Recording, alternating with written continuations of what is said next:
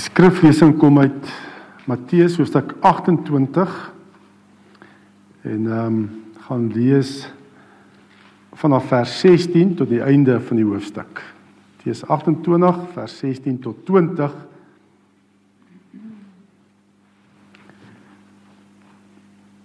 Die 11 disippels het na Galilea toe gegaan, na die berg waarheen Jesus hulle beveel het om te gaan. Toe hulle hom sien, het hulle hom aanbid, hoewel party getwyfel het. Jesus kom toe nader en sê vir hulle: "Aan my is alle mag gegee in die hemel en op die aarde. Gaan dan na al die nasies toe en maak die mense my disippels. Doop hulle in die naam van die Vader en die Seun en die Heilige Gees en leer hulle om alles te onderhou wat ek julle beveel het. En onthou, ek is by julle al die dae tot die volëinding van die wêreld." En uh veral klem lê fokus op vers ehm um, dit is vers 18 ehm um, en ek vers 19 se begin gaan dan na al die nasies toe en maak die mense my disippels gaan na al die nasies toe. Ja, as mens die Bybel lees, kom jy agter Jesus lê die klem daarop om te gaan, nê, nee? om 'n mens uit te stuur. Ons het net al laas Sondag daarna gekyk ook, nê. Nee? Jesus sê ook hier, gaan dan na al die nasies toe en maak van die ongelowiges my disippels. Nee, hy stuur ons uit. Soos ons ook eintlik laas Sondag gekyk het, maar baie bedieningsstrategieë is meer gefokus om te kom. Te kyk wat jy kan doen dat die mense moet kom, kom na die erediens en die die sukses van 'n gemeente en 'n erediens word bepaal oor hoeveel mense kom. Ons het ook gesê dis nie Dit is natuurlik belangrik ook om te kom om toegerus te word, die Here te loof en te prys, te getuig wat hy doen, maar eintlik moet die klem lê om te gaan, want dis waar Jesus se klem lê. Hoe meer van ons uitgaan en disippels maak van alle nasies, hoe meer mense sal ook nood dood eenvoudig ook dan kom, nê? Nee? Ook weer dan kom om dan ook weer te gaan. Die klem lê op gaan. Want dit help nie net om te kom en ons sit passief en luister na die dominee of pastoor na na sy gawes. Die enigste persoon in vers sit ons is passief net om weer volgende sonderdag te kom nie. Nee ons moet uitgaan. Die Here wil jou gebruik jy's instrument in die hande van die Here. Want anderster kon die Here nê nadat hy jou gered het kon jy weggeraap het. Nê maar nee hy doen dit nie. Hoekom? Hy het nog 'n plan en doel met jou lewe om uit te gaan om te gaan en disippels te maak van alle nasies. En dan hier lees lees ons ook baie duidelik by die groot opdrag, nê? Jesus stuur sy disippels uit om te gaan en disippels te maak van die ongelowiges. So die sukses word bepaal hoeveel van ons gaan en maak 'n verskil in die koninkryk. Want wat vir my hartseer is en swaar is en ek het al 'n paar keer dit seker genoem nê, is dat in hierdie omgewing waar ons bly, nê, nee, hierdie hele gemeente. Hier's soveel gemeentes, daar's soveel kerke. Ehm um, as jy hier so ry omtrent op elke in elke blok is daar 'n kerk. Maar mens sien nie die verskil in die samelewing nie. Ons bid reeds oor hoe vervalle dit is, hoe die nood van ons kinders van ons omgewing. Nê? Nee, hoekom? Daar's dan kerke. So die mense kom. Maar wat gebeur deur die week? Wat 'n verandering kom daar? En dit is hoekom Jesus die klem lê om te gaan. Nie net passief te wees en te luister omdat ek gered is nie, maar om te gaan. Um in Matteus sê Jesus ook hy het gaan bedien, Jesus het al die dorpe en klein plekkies besoek, hy het die mense in hulle sinagoges geleer, die evangelie van die koninkryk verkondig en elke soort siekte en kwaal gesond gemaak. Toe hy die menigte sien, het hy hulle innig jammer gekry, want hulle was moeg en hulpeloos so skape wat nie 'n wagter het nie. Hy sê toe vir sy disippels: "Die oes is groot, maar die arbeiders is min. Bid dan die Here aan wie die oes behoort om arbeiders uit te stuur." So Jesus sien die menigte, die meeste mense wat hulle is moeg en moedeloos en hulpeloos so skape sonder 'n wagter. En wat is Jesus se strategie? Hy delegeer nê, nee, sy autoriteit aan sy disippels en hy sê bid ook dat mense dat die Here arbeiders sal uitstuur. Hy vermenigvuldig sy bediening. Hy maak dit meer. Nee, hy delegeer autoriteit en vermenigvuldig sy bediening. En dan lees mens ook verder in Matteus, hy delegeer later ook sy autoriteit aan die 12 disippels wat ons laas Sondag na gekyk het nê. Ehm um, Matteus ag Lukas 9 Lukas 9 vers 1 en 2 delegeer hy stuur die 12 disippels uit en dan in Lukas 10 die volgende hoofstuk delegeer hy sy autoriteit aan die 72 ander en stuur hulle ook uit. En so vermenigvuldig hy sy bediening. Nê, nee, want die oes is groot. Arbeiders is min. En die oes is groot. Daar's regtig 'n honger en dors na God se liefde. En dis ek en jy wat moet gaan en dit gaan bedien aan die mense. So belangrik. Oes is groot. Jesus wil sy bediening vermenigvuldig deur jou en my. Ons wat glo in Jesus. Hy wil ons gebruik om daai bediening voort te sit, sy bediening voort te sit hier op aarde. En dan na sy hemelvaart gee hy die opdrag ook met sy hemelvaart. Net voor sy hemelvaart gee hy ook die opdrag en sê gaan dan heen maak disippels van alle nasies. Sit my bediening voort. Ek en jy nee gaan dan na al die nasies toe maak die mense my disippels en doop hulle. So ek en jy moet Jesus se bediening op aarde voortsit. Ons is nou sy hande en voete hier op aarde. Jy's geroep daarvoor. Nie net sekere mense nie. Elke gelowige is geroep om Jesus se bediening op aarde voort te sit. Nou om dit te kan doen, om Jesus se bediening op aarde voort te sit, moet ons weet wat behels sy bediening. Wat beteken sy bediening? Waaruit het dit bestaan? Wat het Jesus op aarde gedoen sodat ons dit kan voortsit? En ek lees 'n boek van uh Blount en hy praat van vyf die vyf emme van Jesus se bediening. Die missie, sy message of boodskap, die middel, metode en model wat Jesus gebruik het. En ek wil kyk dat ons vanoggend by so 3 emme stil staan van Jesus se bediening. Wat dit alles behels. Ons kyk eers natuurlik na Jesus se missie. En dan sien ons sy missie is uit Jesaja 61. Ehm um, ons lees dat Jesus, hy is gedoop, nê? Nee, Johannes die Doper het hom gedoop. Hy het uit die water gekom.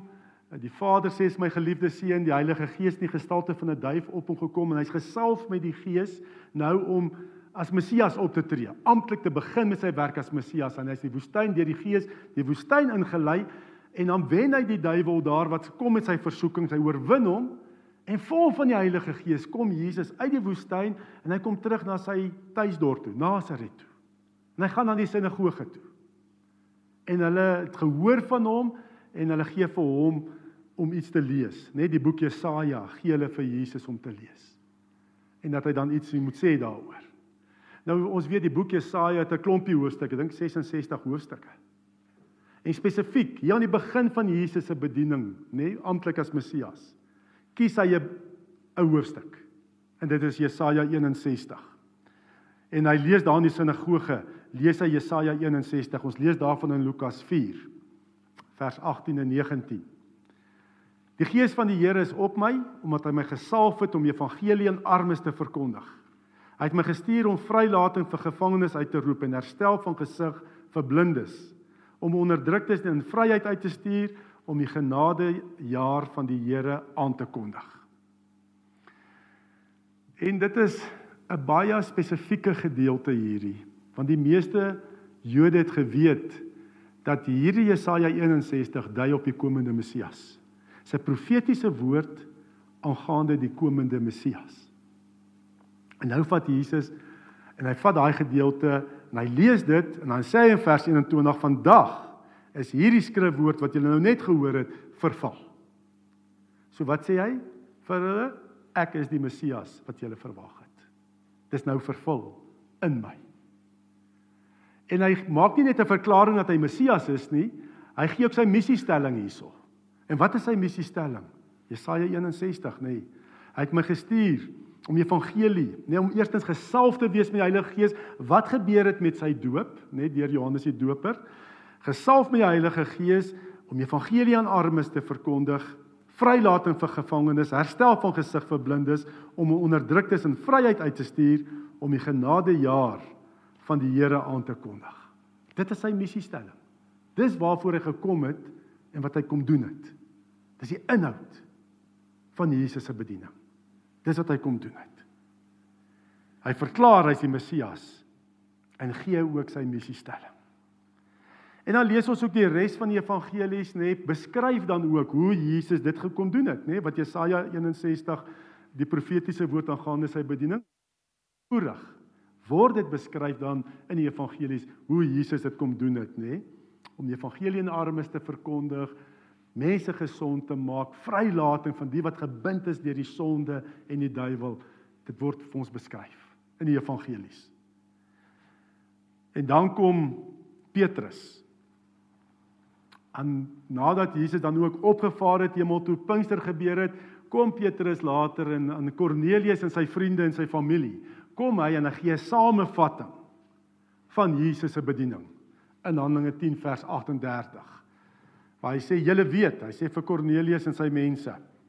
Julle weet van Jesus van Nasaret dat God hom met die Heilige Gees gesalf en met krag toegerus het. Hy het rondgegaan, oral goeie werke gedoen en almal gesond gemaak wat in die mag van die duiwel was, want God was by hom. So dis die samevatting, nê? Jesus is gesalf met die Heilige Gees om wat te doen? Goeie werke te doen, genesing en bevryding. En ehm um, ek moet sê ek staan verbaas eintlik, want dit is ook ons gemeente se visie.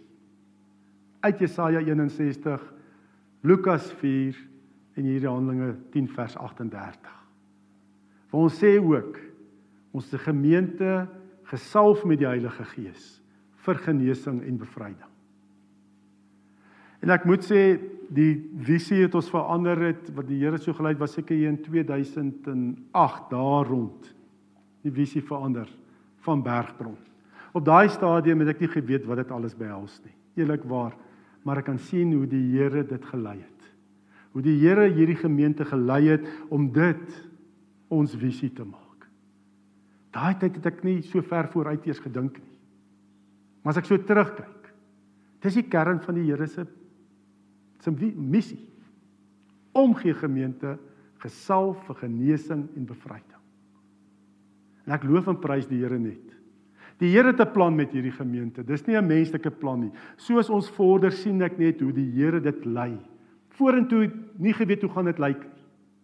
Maar die Here doen dit. Ek loof en prys en sê maar dankie Here dat ons hier kan besig wees met die kern van Jesus se bediening. Sy missie. Gesalf vir genesing en bevryding. Dis sy missie, Jesaja 61. Dis die eerste M. Die volgende M wanneer ons kyk is Jesus se message, nê, nee, sy boodskap. Ek moet dit nou maar in Engels sê dat dit 'n M bly. Kon nie 'n mooi woord vir boodskap met 'n M begin kry nie, maar sy message, nê. Nee. Wat is Jesus se boodskap? En dan weet ons die kern is heeltyd die koninkryk van God.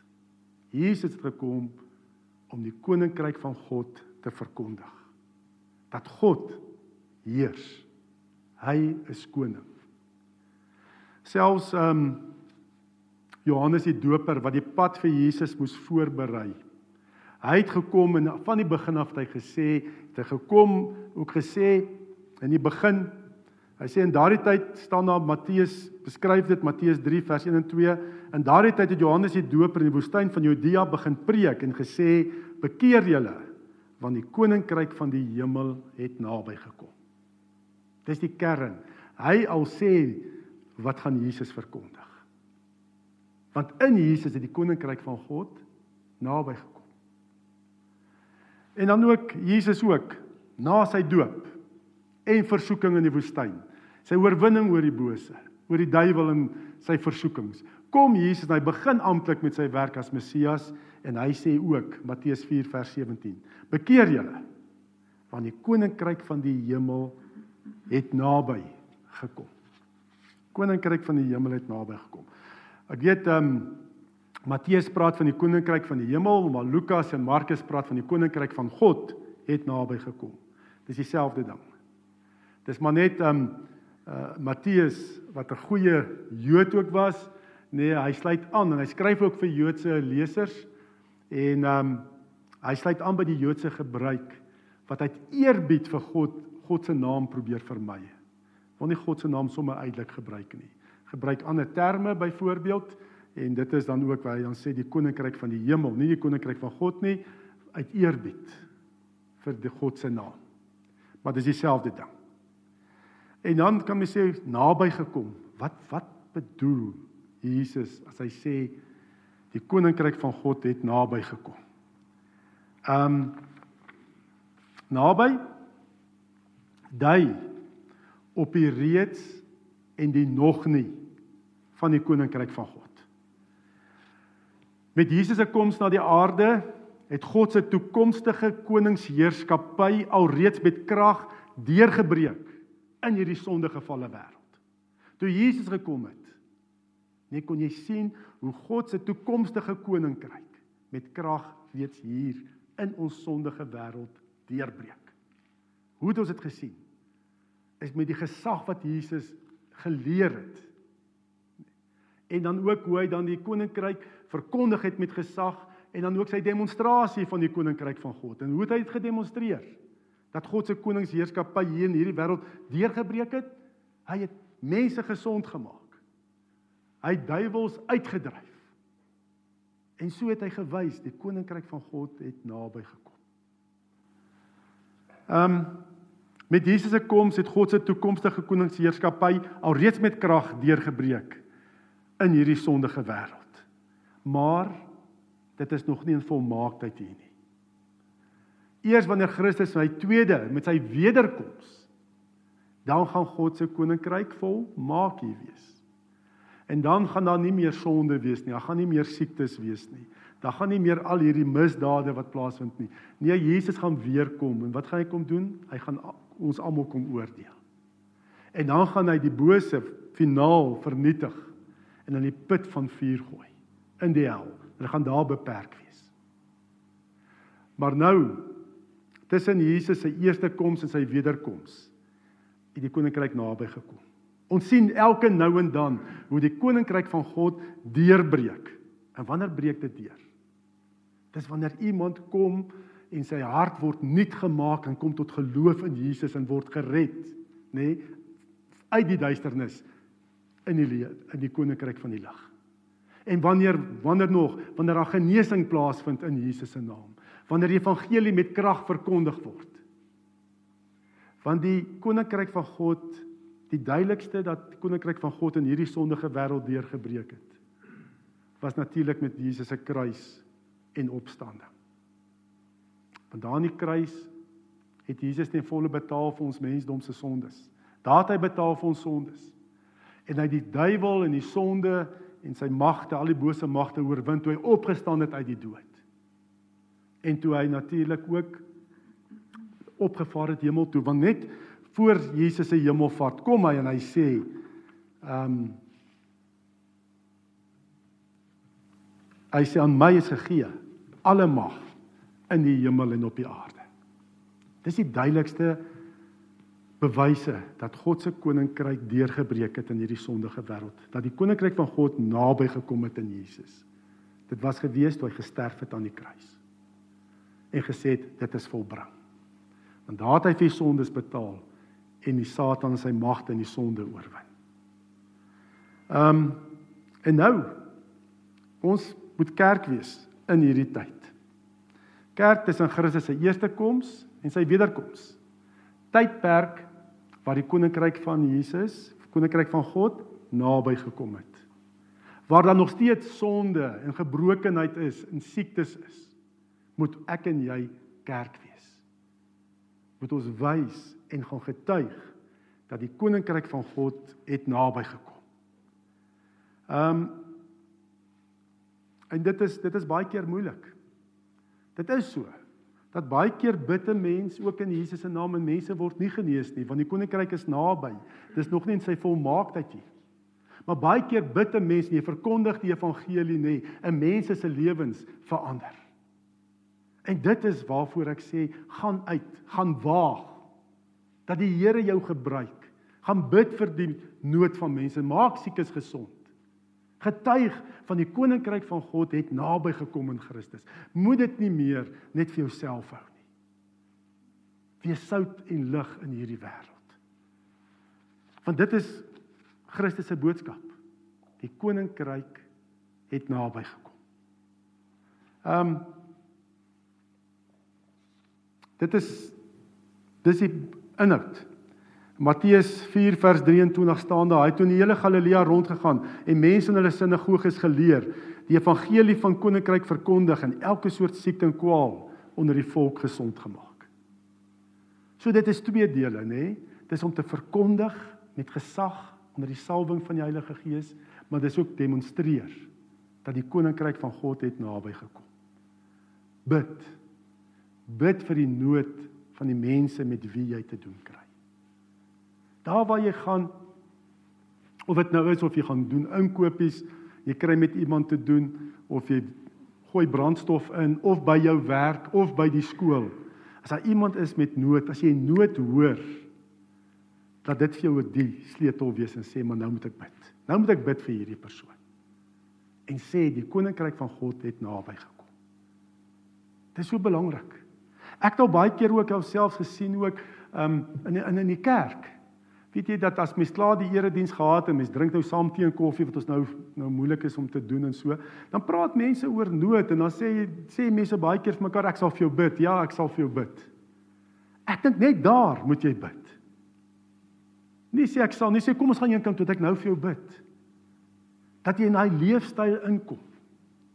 Ek het een keer 'n gemeente besoek ehm um, waar hulle vir my gevra het om te preek ehm um, en ek het daar gepreek. Dis heeltemal in 'n ander provinsie en ek het daar gepreek en goeters naai tyd ons daar gestaan en tee en koffie en 'n persoon sê vir my, weet 'n lidmaat daar van die gemeente sê vir my hoe hy vertel van die swaar, weet die moeilikheid en ek sê kom ons bid. Hy was so verbaas. Dat ek vir hom gesê het net hier waar al die ander kom ons bid. Dit was vir hom snaaks geweest dat ek hier nou net dadelik vir hom wil bid. Dit is snaaks wees nie. Dis dit is hoe ons leef. Ehm um, en ja, ek het ook dit ek moes dit ook maar leer. Nee, dit was ook ek was ook maar net so gewees. Ja, ek sal vir jou bid. Ek sal vir jou bid. Selfs op die telefoon ook. Bid. Tannie Petro Arthur se ma so 'n paar weke terug was sy ook hier in die erediens gewees en ehm um, wat nou moet gaan, mos nou ook vir 'n operasie want sy kanker en ehm um, dit was na die erediens en ek het mense gegroet en toe sit sy nog daar want Arthur hulle het nog geld getel en ek gaan toe na haar toe en sy sê toe net sy het hierdie pyn, pyn hier in haar skouer en nek. En ehm um, toe vra kan ek vir haar bid? Sê sy ja, natuurlik. En ek het vir haar gebid. En dit was in tot totsiens en toe sy gaan. Die volgende dag toe bel sy my, kry weet ek nou nie haar nommer op my selfoon nie, vreemde nommer bel sy, sê sy sy moet net vir my sê Toe sy by die huis gekom is die pyn weg. Haar dogter het vir haar gevra, "Hoorso, maar waar jy het mos die pyn, jy het maar het mos die pyn en so." Toe is dit weg. Die volgende dag toe bel sy. Kom ons leef meer met 'n verwagting. En en en wees regtig sit Jesus se bediening hier op aarde voort. Dis belangrik. Dit begin hier dat ons hier vir mekaar bid. Ja, die koninkryk het naby gekom. Partykeer genees nie, dis God wat genesing, dis nie ons nie. Maar gebruik gryp elke geleentheid aan om te bid vir iemand.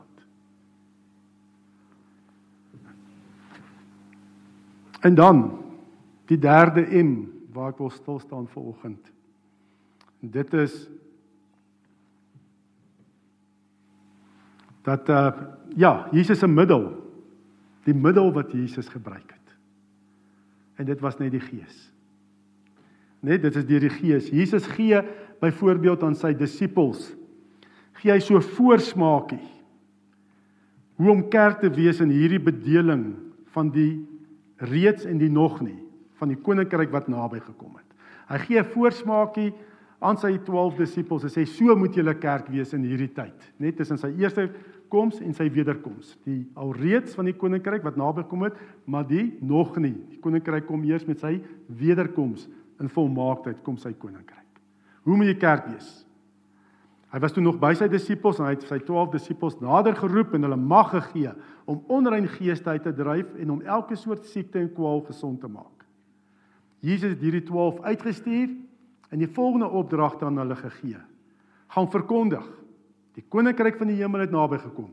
Maak siekes gesond, wek dooies op, reinig melaatses en dryf bose geeste uit. Julle het verniet ontvang, gee dit ook verniet. Die twee goed hoort by mekaar. Nê? Nee? evangelie verkondiging, koninkryk van die hemel naby gekom en die demonstrasie daarvan. Maak siekes gesond. Wek dooies op. Wek dooies op. Reinig melaatses en dryf bose geeste uit. Dit gaan hand aan hand. En ehm um, ja, dit is hoe ons moet kerk wees. Hy gee aan sy 12 disippels die mag. Maar dan gaan Jesus nou weg. Hy het gesterf aan die kruis, hy het opgestaan en uh nou gaan hy sy troon bestyg met sy hemelvaart. En nou gaan hy nie meer by sy disippels wees nie. En dan sê hy vir hulle in Handelinge 1: Bly hier in Jerusalem. Moenie weggaan nie. Hoekom? Want ek sal julle met krag uit die hemel toerus, nê, nee, met Pinkster. Die Heilige Gees sal oor julle kom en julle sal krag ontvang my getuies wees soos hy dan sê in Jerusalem, Samaria tot die uiteinde uithoeke van die wêreld. Nê? Nee, ons het die krag van die Heilige Gees nodig. En dan dan lees ons natuurlik in in Handelinge 2 Pinkster gebeur, die Heilige Gees word met krag uitgestort, kom oor die disippels nê, en daai ouens wat heeltyd so weggekruip het bo in die bo vertrek nie. Skielik begin Petrus verkondig, hy preek, mense kom tot bekering, siekes genees, duiwels word uitgedryf en so word hulle bemagtig. So dit was nie net terwyl Jesus op aarde was nie. Dit was ook gewees nadat hy opgevaar het hemel toe. Nee, stuur hy sy Heilige Gees sodat ons met sy bediening hier op aarde kan voortgaan. Ons word bemagtig met die Heilige Gees vir bediening van Jesus. Sy bediening voort te sit. Evangelie verkondiging, die koninkryk van van die hemel of van God het naby gekom in Jesus en ook om dit te demonstreer met krag siekes gesond te maak en dan ook bose geeste uit te dryf. Geen wonder dat Paulus dan ook sê in 1 Korintiërs 12 vers 1 wat die gawes van die Gees betref broeders wil ek hê dat julle ingelig moet wees. So Jesus se middel van bediening is die Heilige Gees en is slegs met die bemagtigende werking van die Gees, die Gees se gawes wat ons werklik Jesus se bediening kan voortsit. En dit is om saam te vat, evangelie te verkondig, siekes genees, bose geeste uit te dryf. Um kom ons sit Jesus se bediening voort met die gawes van die Gees. En hierdie is nie net vir een of twee persone in die gemeente wat ons sê ja, nee, kyk, hulle het autoriteit in Jesus nie. Dis vir ons almal. Dis regtig vir ons almal. En dis waarvoor God sy gees gegee het. En ehm um, en as jy iets ervaar ook in jou hart oor 'n medebroer of suster wat jy voel van die Here afkom, gaan deel dit met hom of haar. Net dit is een van die gawes van die Gees, net profesie, deel of 'n woord van wysheid, kennis. Kom ons deel dit met mekaar dat die gawes van die Gees hier kan funksioneer. En ehm um, ja, ek het net so ervaring ook net Rudy dat ek ervaar net ehm um, jy is my soos 'n Johannes die Doper, jy maak die pad oop vir die koninkryk van God wat naby gekom het in mense se lewens. Jy is soos 'n Johannes wat die pad voorberei dat Jesus kom en mense se lewens aanraak. Ehm um, ja, en gaan voort. Gaan voort daarmee. Moet dit nie stop nie. En kom ons bemoedig mekaar en bou mekaar die gemeente bou mekaar so op. Kom ons vra die Here se leiding. Here, ons kom net in en verklaar vanoggend, Here, hier in Bergbron wil ons onder U salwing, Heilige Gees, Here Jesus, U bediening voortsit. Dat U vir ons die gesag, die autoriteit, U autoriteit delegeer aan ons om uit te gaan.